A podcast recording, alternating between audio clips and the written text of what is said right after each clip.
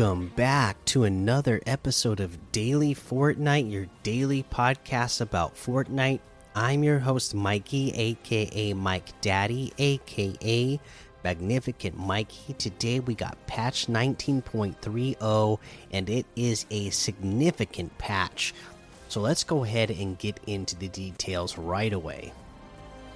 This is Fortnite Battle Royale version 19.30 update, gyro, and flickstick, plus load directly into the lobby. Fortnite Battle Royale version 19.30 introduces new and improved gyro controls. Also, the initial mode selection screen, which appeared on PlayStation, Xbox, and PC, has been removed, meaning you'll now load directly into the lobby. Read below for version 19.30 details gyro and flickstick more controller options. Made in collaboration with input specialist and flickstick creator Julian Jibb Smart, we've added optional gyro controls to Fortnite on gyro supported platforms and flickstick 2. Fortnite on Nintendo Switch and Android had gyro-based motion controls before they before the release of version 19.30, but this update brings more robust gyro controls to Fortnite on these two platforms plus PlayStation 4, PlayStation 5, and PC. With gyro controls, you control the camera by turning the controller. Enable or disable gy gyro controls in Fortnite by going to the Touch and Motion tab of the settings. Gyro controls can offer more precision than standard stick aiming, but don't have to replace it entirely. With flick stick, for example, pointing the right stick moves the camera quickly in its direction. For more info on gyro, watch Jibb's video below and read our gyro and flick stick blog post. Uh, and I highly suggest watching that video uh, and reading that blog post. We're going to do that tomorrow. Today we're just going to go over the uh, the the the main details of uh, this um, or the main blog post of the of this update. Plan to turn on gyro next time you play. Our blog post linked above has tips for new and experienced gyro players. Game mode select mode. Wait, game mode select screen removed. With version 19 1.30, we re removed the initial game screen, which appeared on PlayStation, Xbox, and PC, where players would select their would select either Save the World, Battle Royale, or Creative. You'll now boot up directly into the lobby, ready to join the party and explore Fortnite. What does this mean for Save the World and Creative? You can now find both modes via the Discover screen, accessible by clicking on the Change button above Play. See our loading into the lobby blog post for more information. The change button in the lobby. Okay, yeah. Uh, competitive notes removed armored walls from supply drop loot in competitive playlists. And for major bug fixes, they fixed an issue involving some players only having two tent slots available as opposed to the intended three. Fixed an issue on mobile involving build pieces not being placed after players double tap the associated icon. They fix an issue occurring in competitive playlists only, involving Spider Man's web shooters dropping from eliminated players with the full 20 uses, even if they didn't have the full 20 before the player was eliminated. So there you go. That is our main details of this blog post. Now they they go into more depth about this gyro uh, and flick stick uh, with a controller. Like I said, we'll do we'll go over that in more detail tomorrow uh, because I haven't actually got a chance to play using it yet, and I don't know if it's something I will use, but I definitely want to try it out uh, before we go into uh, more details. That way, uh, we can I can give you uh, you know a better perspective on it. So for now, let's go ahead and keep moving on and uh, just go ahead and look at uh, the LTMs. And remember, in this Discover tab now, this is how you're going to get into creative and save uh, the world. Okay, let's see there.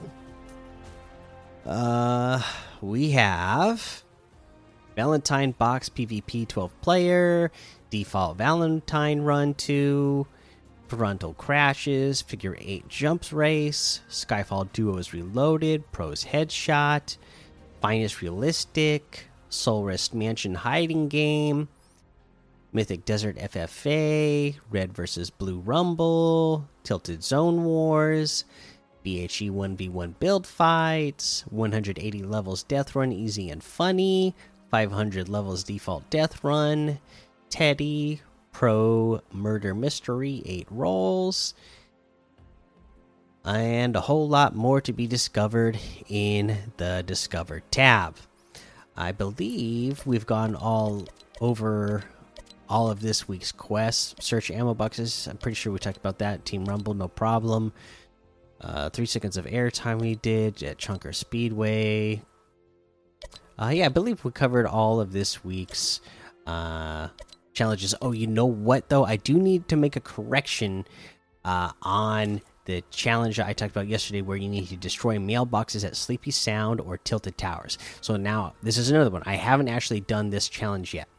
Uh, but uh, what I had find out from Tiger Noslin in the Discord is so it's not just the or not at all. It's not the mailboxes that you would like put your mail in to send your mail out or the mailman puts in your mailbox at home. It is the the blue mailboxes you know the community mailboxes. Those are the ones you need to destroy. So that's what you need to be looking for in uh, when you are in sleepy sound or in tilted towers okay? Not just the normal mailboxes. So uh, that was my mistake yesterday but go ahead and uh, still obviously just drop those two places but look for the big blue mailboxes that are the community mailboxes that everybody would put their mail in for their outgoing mail the ones that get picked up at the end of the day all right, that is that. Let's go ahead and head on over to the item shop and see what we have in the item shop today.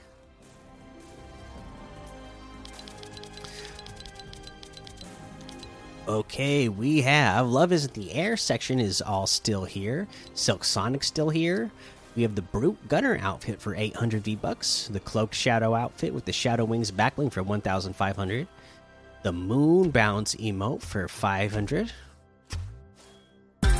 the advanced math emote for 500.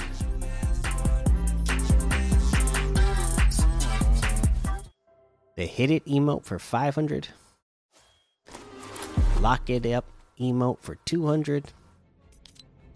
Ooh, we have the Galaxy Grappler bundle, which has the Galaxy Grappler outfit, Hands of the Galaxy back bling, Galaxy Starblades harvesting tool, and the Vortextual wrap all for 2500 that's 1200 off of the total. The galaxy grappler outfit with the hands of the galaxy back bling itself is 2000 the galaxy starblades harvesting tool is 1200 the vortextual wrap is 500 we have the red knight outfit with the red shield backbling for 2000 the crimson axe harvesting tool for 800 the dummy outfit with the wrong turn backbling for 1200 the Noggin Harvesting Tool for 500, Crash Test Wrap for 300, the Orin outfit with the Mecha Fusion Jump Kit Backbling for 1200, the Null Pick Harvesting Tool for 800, and that looks like everything today. You can get any and all of these items using code Mikey M M M I K I E in the item shop, and some of the proceeds will go to help support the show. All right, we obviously, for us controller players, we have this new gyro and flick stick deal. Like I said, I haven't actually used it yet myself. I want to test it out, and you're all going to want to test it out. So basically, that's what the today's tip is: is if you're a controller player that has, you know, obviously, like they said here, uh, Switch, PS5, PS4 uh, PC or Android, then you're going to want to at least test this out and see how it works. And I would suggest going into creative mode and testing this out. That way, uh, because, you know, whenever you change your controller settings or change your settings in general, even if you're a keyboard and mouse player, you know, if you change your settings and then you just try to drop straight into a game, you're going to get frustrated really fast because it takes time to get used to changes uh, with your layout or the way you uh, set your sensitivity up with anything. So if you're switching over uh, to the gyro and flick stick, go into creative for a little bit. Make sure you at least get familiar with how it works and comfortable with it before you start going in there. Because I know there's a lot of really great advantages to gyro uh, that you know that could really be helpful to controller players. Right now especially since it seems uh, you know with um, the mk7 and the new machine pistol they have a lot of recoil right? And that's something that is not never easy to control with a controller. Uh, that's why you know in the past almost all professional gamers, you know, uh, are were playing on PC, especially high, com highly competitive shooters. Right, uh, would be. Uh, you know, especially high competitive first person shooters, you know, you're usually usually using a keyboard and mouse because they get much better control with it.